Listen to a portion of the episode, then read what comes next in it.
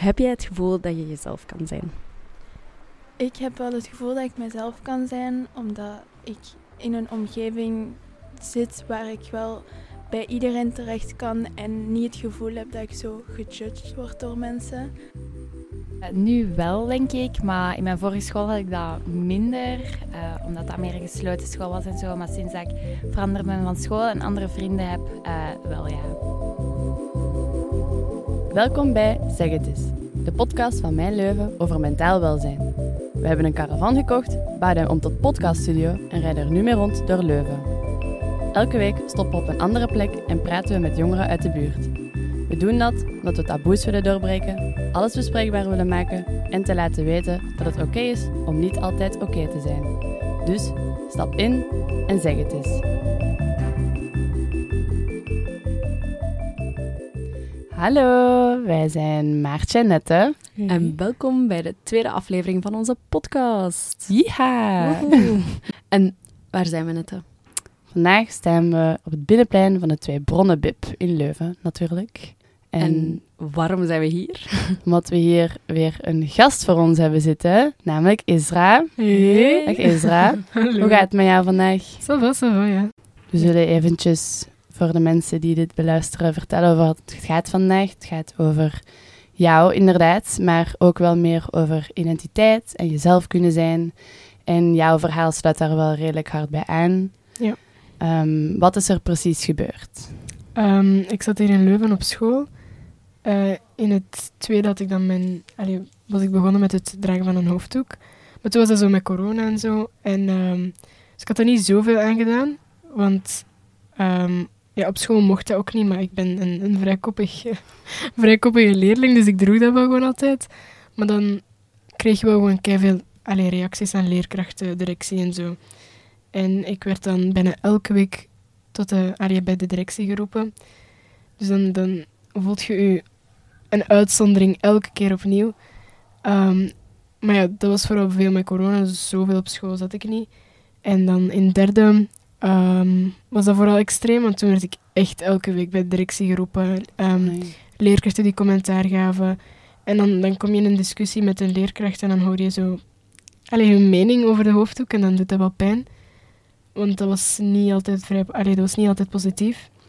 Dat snap ik ook wel, want ehm, jij bent 15 op dit moment. En Ja. toen jij in derde middelbaar was je zelfs nog jonger. Inderdaad. Dat komt al hard binnen volgens mij. Ja, sowieso. Want je zit zo in die fase waarin dat je elkaar, dat je zelf leert kennen en zo. En dan, als mensen rondom je dat niet accepteren, dan is dat wel moeilijk. En wat is er dan daarna gebeurd? Hoe heb je het aangepakt? Ja, dat was vooral op school dat ik gewoon probeerde te praten tegen de leerkrachten, tegen de directie van wat is nu de reden? En ik kreeg nooit echt een, een reden of zo. Nu zit ik wel op school in Aarschot. Ik heb gewoon via via ook nog aan mensen gevraagd of, dat ze, iets, allee, of dat ze er iets aan kunnen doen.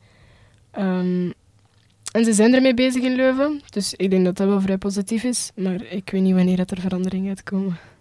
Hoe reageerden je ouders daarop? Want je ouders die reageerden eigenlijk vrij snel van luister naar de directie. Ehm, hoe voelde dat voor jou dat je ouders eigenlijk zeiden dat je, het, dat je hoofddoek beter afzette dan ermee door te gaan?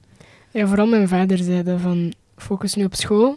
En dan als je later groot bent, dan kun je zelf iets doen en kiezen wat dat je doet. En, en dat voelde zo demotiverend aan, want bij mij is religie toch zo nog steeds nummer één in mijn leven. Maar mijn mama was dan wel van, ik- nee, ik sta achter u. Als jij zegt, ik doe het uit en ik ga zo naar school, dan doe je dat maar.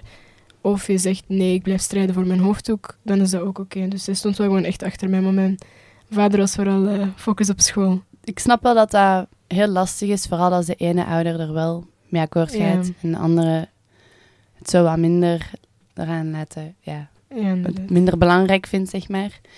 Als je zo in de klas zat, hoe reageerden je klasgenoten? Hielpen ze je vaak op zo'n momenten of waren ze eerder stil? Ik denk vooral stil. Want Ja. ik was allee, in de klas toch wel een leerling die mijn mening durfde te zeggen. En ook gewoon voor anderen opkomen en zo. En dat was er niet zoveel in mijn klas. Dus als een leerkracht bijvoorbeeld commentaar zou geven of iets beledigend zou zeggen, dan zouden de meeste mensen stil zijn. Maar dan achteraf zouden ze wel zijn van en alles oké en zo. Maar dan was het wel stom dat er tijdens de discussie zelf Mm. niks, allee, geen hulp was. Dus ja, dat voel, eigenlijk, ik voelde mij zo alleen soms in de klas. Dat wel, ja. Ja, dat is niet leuk. Nee, dat snap ik wel. Want ik begrijp aan de ene kant wel van dat je geen problemen wilt hebben met de leerkrachten en zo, maar dan Mhm. soms voel je je wel echt alleen en dan wil je echt wel hulp krijgen. En heb je ehm, ook vriendinnen die bijvoorbeeld hetzelfde hebben meegemaakt? Ehm, ja, ook gewoon op vlak van kledij algemeen. Denk ik op mijn school dat er allee, zo moeilijk werd over gedaan. Zoals er een crop top was of zo. Dat, Mhm. dat ze direct daar commentaar over zouden geven. Dus ja, gewoon vriendinnen op mijn school zouden ook wel zoiets meemaken. Ja. Maar zijn er dan zo plekken waar je wel echt iets van hebt? Van ja, oké, hier kan ik mezelf zijn. Ehm, ja, hier in de bib kom ik wel gewoon vaak met vriendinnen en zo. Dus dan eh, is onze chillplek, zeg maar. Wat kom je er dan doen? Boeken lezen of eerder gewoon... Een beetje babbelen, Ja. vertellen over ons leven en zo. Ehm, maar ja, ook boeken lezen soms. En eh, ik denk ook in de moskee. Oh ja, tuurlijk, daar gaat niemand iets zeggen over je hoofddoek.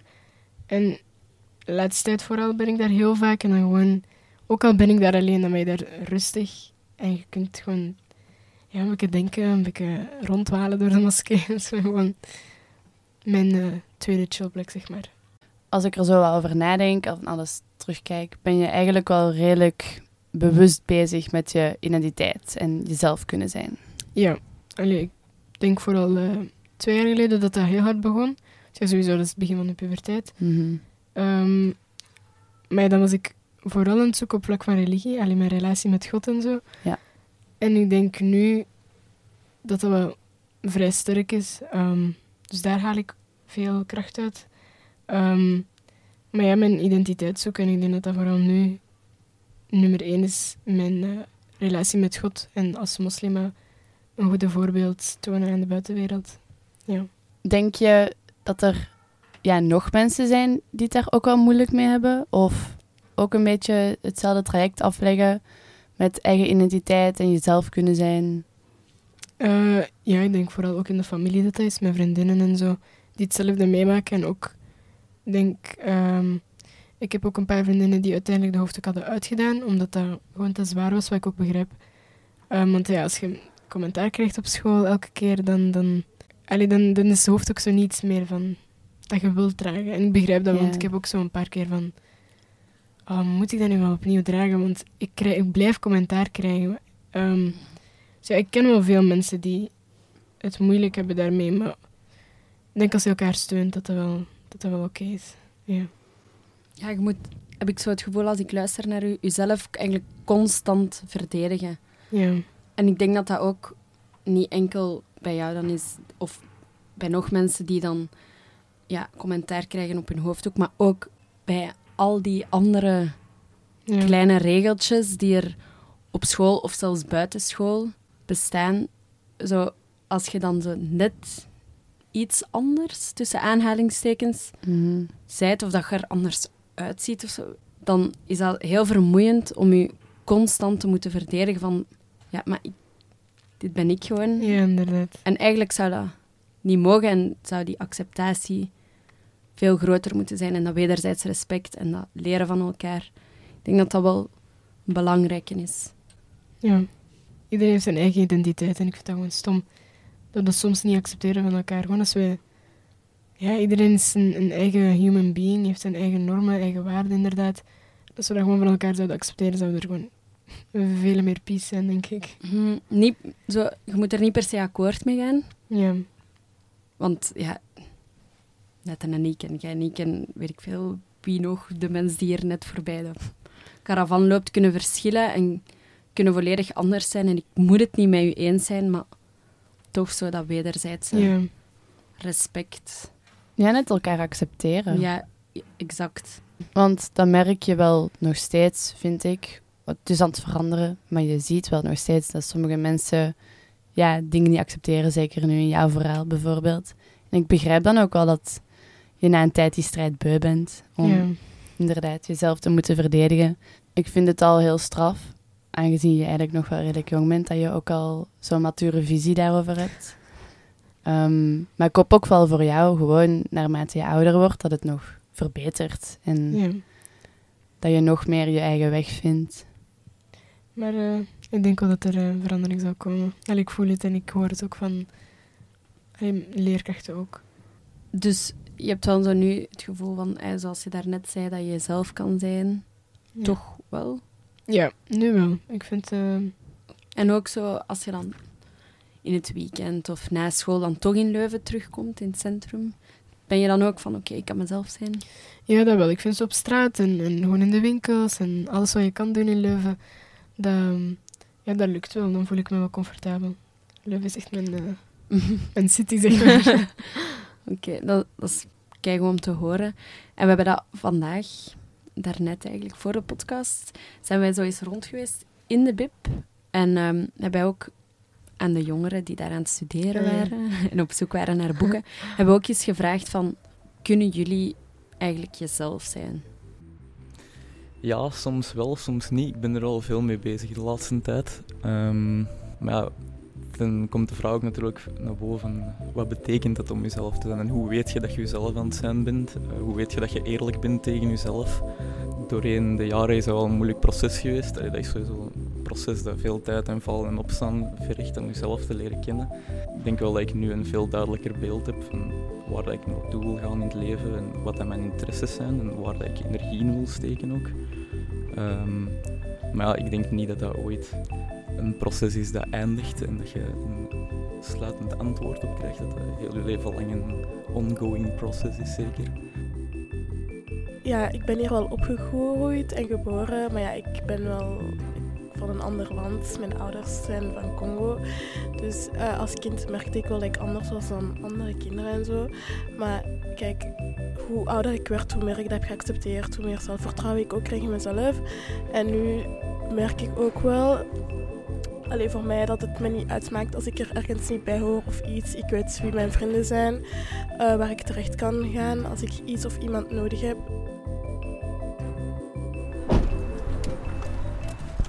Als ik het nu aan u vraag, is dat bijvoorbeeld, wat is dat eigenlijk, jezelf zijn? Jezelf zijn. Ik denk dat als je gewoon, stel je voor je staat voor een spiegel, dat je naar jezelf kunt kijken en over ook je innerlijk kunt kijken van, ik heb daar peace mee, ik heb daar vrede mee met hoe dat ik ben. Hoe dat ik me elke dag gedraag, hoe dat ik elke dag praat, hoe dat ik elke dag uitzie. Als je daar vrede mee hebt, denk ik dat je dan alleen jezelf bent, denk ik. Heb jij zelf nu een boodschap eigenlijk voor de mensen die graag zou, die luisteren, ehm waaraan je graag zou willen meegeven?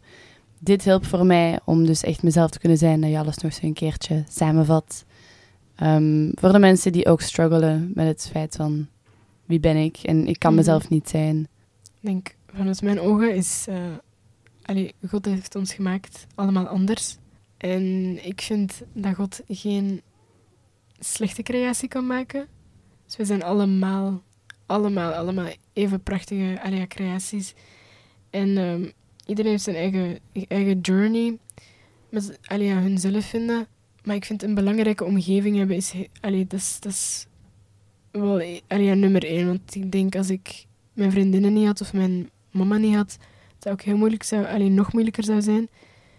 Dus ja, omgeef je met, met positieve mensen, met mensen die u naar boven proberen te brengen, niet elke keer naar beneden proberen te halen.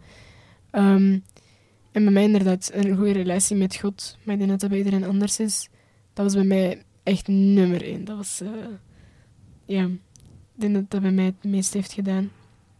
En kijk, iedereen is anders. En, en als je elkaar accepteert, zoals je daarnet zei, je moet niet die waarden en normen ook als je eigen waarden en normen nemen, maar kijk naar elkaar en accepteer gewoon elkaar en mensen zijn. En je kunt gewoon ja, normaal met elkaar omgaan. Ik denk als je andere mensen gaat accepteren, ga je jezelf ook sneller accepteren. Dat vind ik een goeie. Ja. Ik word er zelfs een beetje stil van. Het is wel moeilijk, alleen zo op een jonge leeftijd. Toen naar 15 is nog... Allee, ik ben nog een kind. Maar ik denk dat eh, dat, dat later wel ehm, een positief effect gaat hebben als ik nu al zeg maar sterk in mijn schoenen sta en dat ik weet wie dat ik ben, dat ik weet wat ik wil. Ik denk dat dat mij later wel heel hard gaat helpen. Ja. Amai. Bewondering heb ik voor jou. Nee, echt. En weer een totaal ander perspectief bekijken van ja. hoe het is om jezelf te zijn of hoe het is om op zoek te gaan en zo niet geaccepteerd worden, wel geaccepteerd worden, nieuwe omgeving opzoeken. Ja. Dikke, dikke, dikke merci Israël om vandaag met ons ehm, over jouw verhaal en over jezelf en over anderen te komen babbelen. Dat is graag gedaan. Ehm, het was heel leerrijk, heel aangenaam.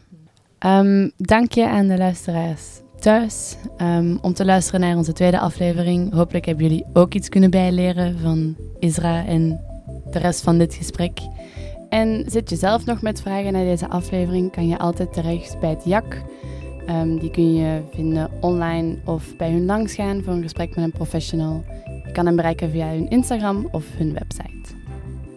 En tot de volgende aflevering. Doei! Doei doei.